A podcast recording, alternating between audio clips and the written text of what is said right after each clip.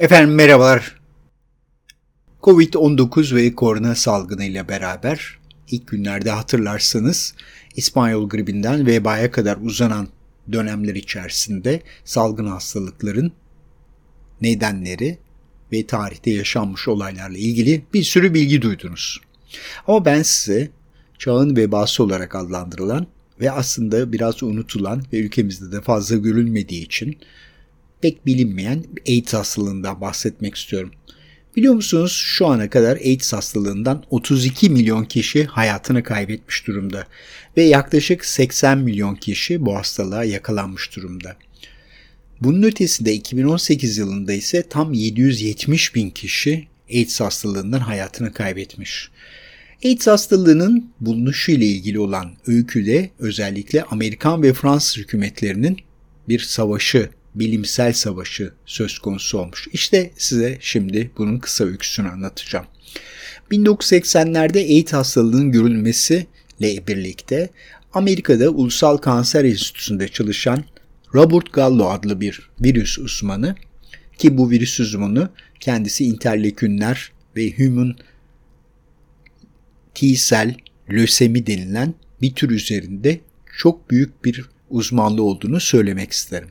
Ve kendisi bu virüsleri ürettikten sonra 1984 yılında ortaya çıkıyor ve diyor ki ben bu AIDS'in sebebi olan virüsü buldum, izole ettim, çoğalttım ve HTLV 3 adını verdim diyor ve daha sonra bunun ismini değiştiriyorlar ve HIV adını veriyorlar. Yani Human Immune Deficiency Virüs, insan bağışıklık bozulmuş bağışıklık virüsü diye adlandırılabilir büyük bir üne kavuşuyor tabi.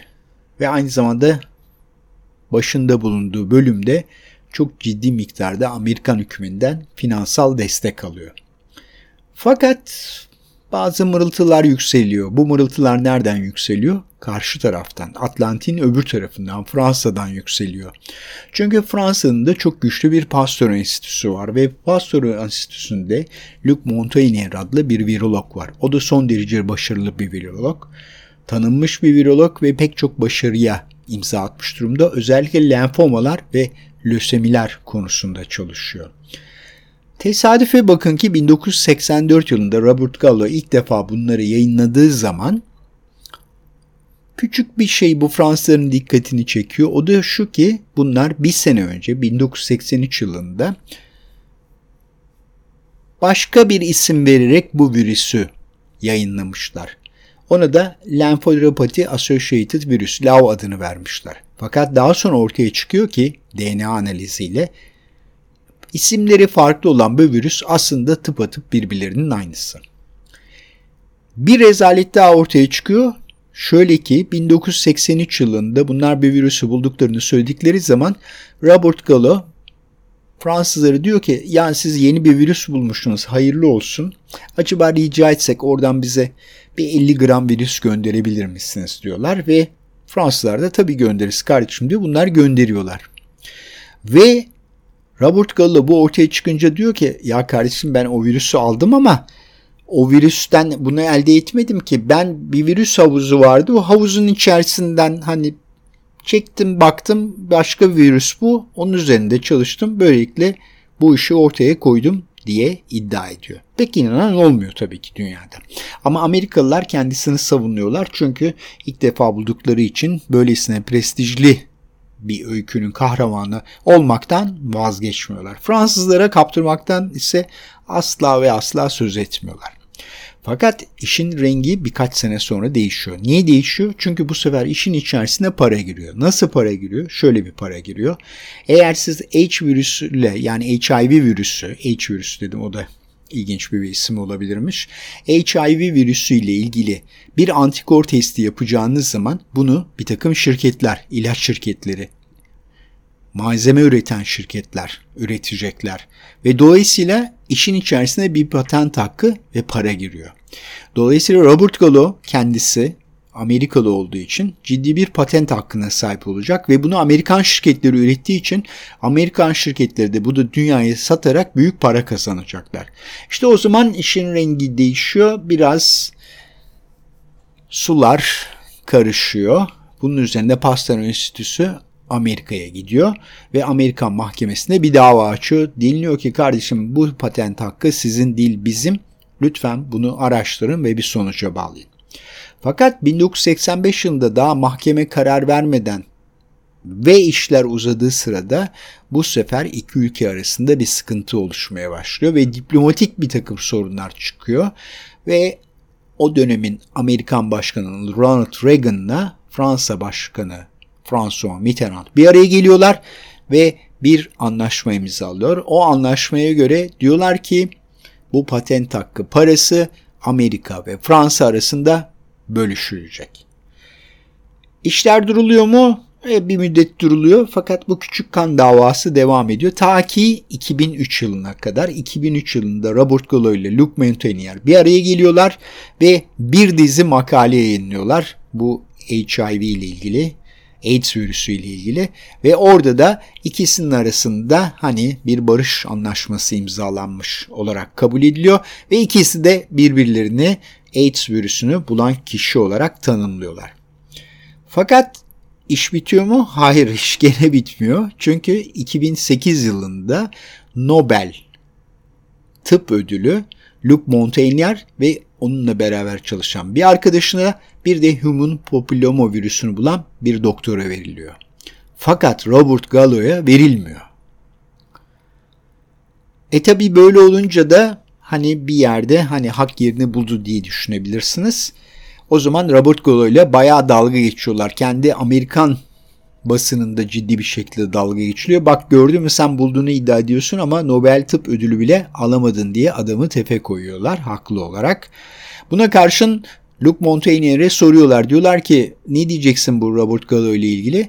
O da gayet kibar ama hafif kibirli bir şekilde cevap veriyor. Diyor ki Robert Gallo bu virüsün bulunmasında büyük katkısı vardır.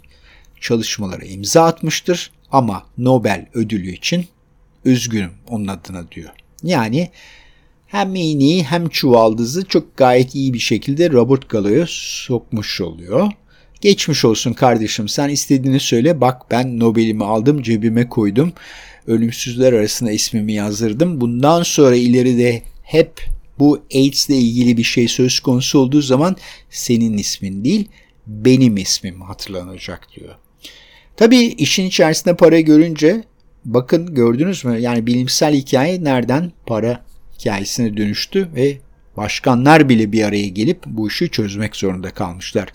Gene AIDS ile ilgili bitirmeden önce küçük bir not ileteyim. Biliyorsunuz AIDS yani HIV pozitif olsanız dahi hastalık gelişmeyebilir. Çünkü bir sürü tedavi oluyorsunuz hastalık gelişmesin diye. Hastalık gelişse bile tedavi olma şansınız var. Çok ciddi ilaçlar üretilmiş durumda. Dünyada büyük çığır açan ilaçlar söz konusu. Ve hatta orada kullanılan ilaçların bir kısmı başka alanlara da yayılmış durumda. Ve dünyada AIDS aslında temel olarak sorun olarak bir kıta ve bir ülkede çok önemli. Kıta Afrika, ülke ise Rusya ve özellikle uyuşturucu kullanmalı ve korunmasız cinsel ilişki nedeniyle Afrika'da patlamış durumda. Ve 1980'lerden sonra bu iş Afrika'da iyice yayılmaya başladığı andan itibaren Güney Afrika Cumhuriyeti'nde ciddi bir sorun ortaya çıkıyor. Bir sürü AIDS hastası var. Bunları tedavi edecek ilaca ihtiyaç var.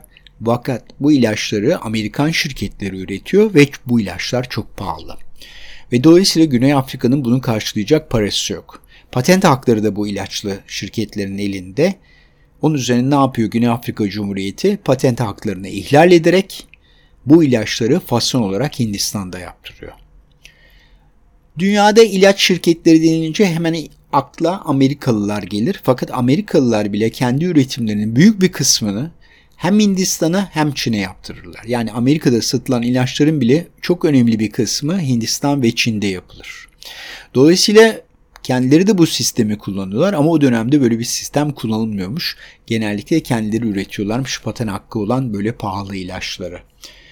E patent hakkını ihlal edip bir de böyle ilaçları Hindistan'da korsan olarak yaptırınca ilaç şirketlerinin tepesi atıyor. Uluslararası mahkemelerde Güney Afrika Cumhuriyeti hakkında dava açılıyor ve işler iyice karışıp kötü bir hale almadan önce o zaman 90'lardaki Amerikan Başkanı Bill Clinton devreye giriyor ve dönemin Güney Afrika Cumhuriyeti Başkanı Nelson Mandela ile görüşüyor ve Mandela'nın da çok büyük bir baskısıyla sonuçta şöyle bir karar alınıyor. Güney Afrika Cumhuriyeti patent hakkını ihlal edip Hindistan'da ilaç ürettirmekten vazgeçiyor. Bunun karşılığında da Amerikan ilaç şirketleri dünya piyasasının altında ucuz bir fiyata Güney Afrika Cumhuriyeti'ne ilaç vermeyi kabul ediyorlar.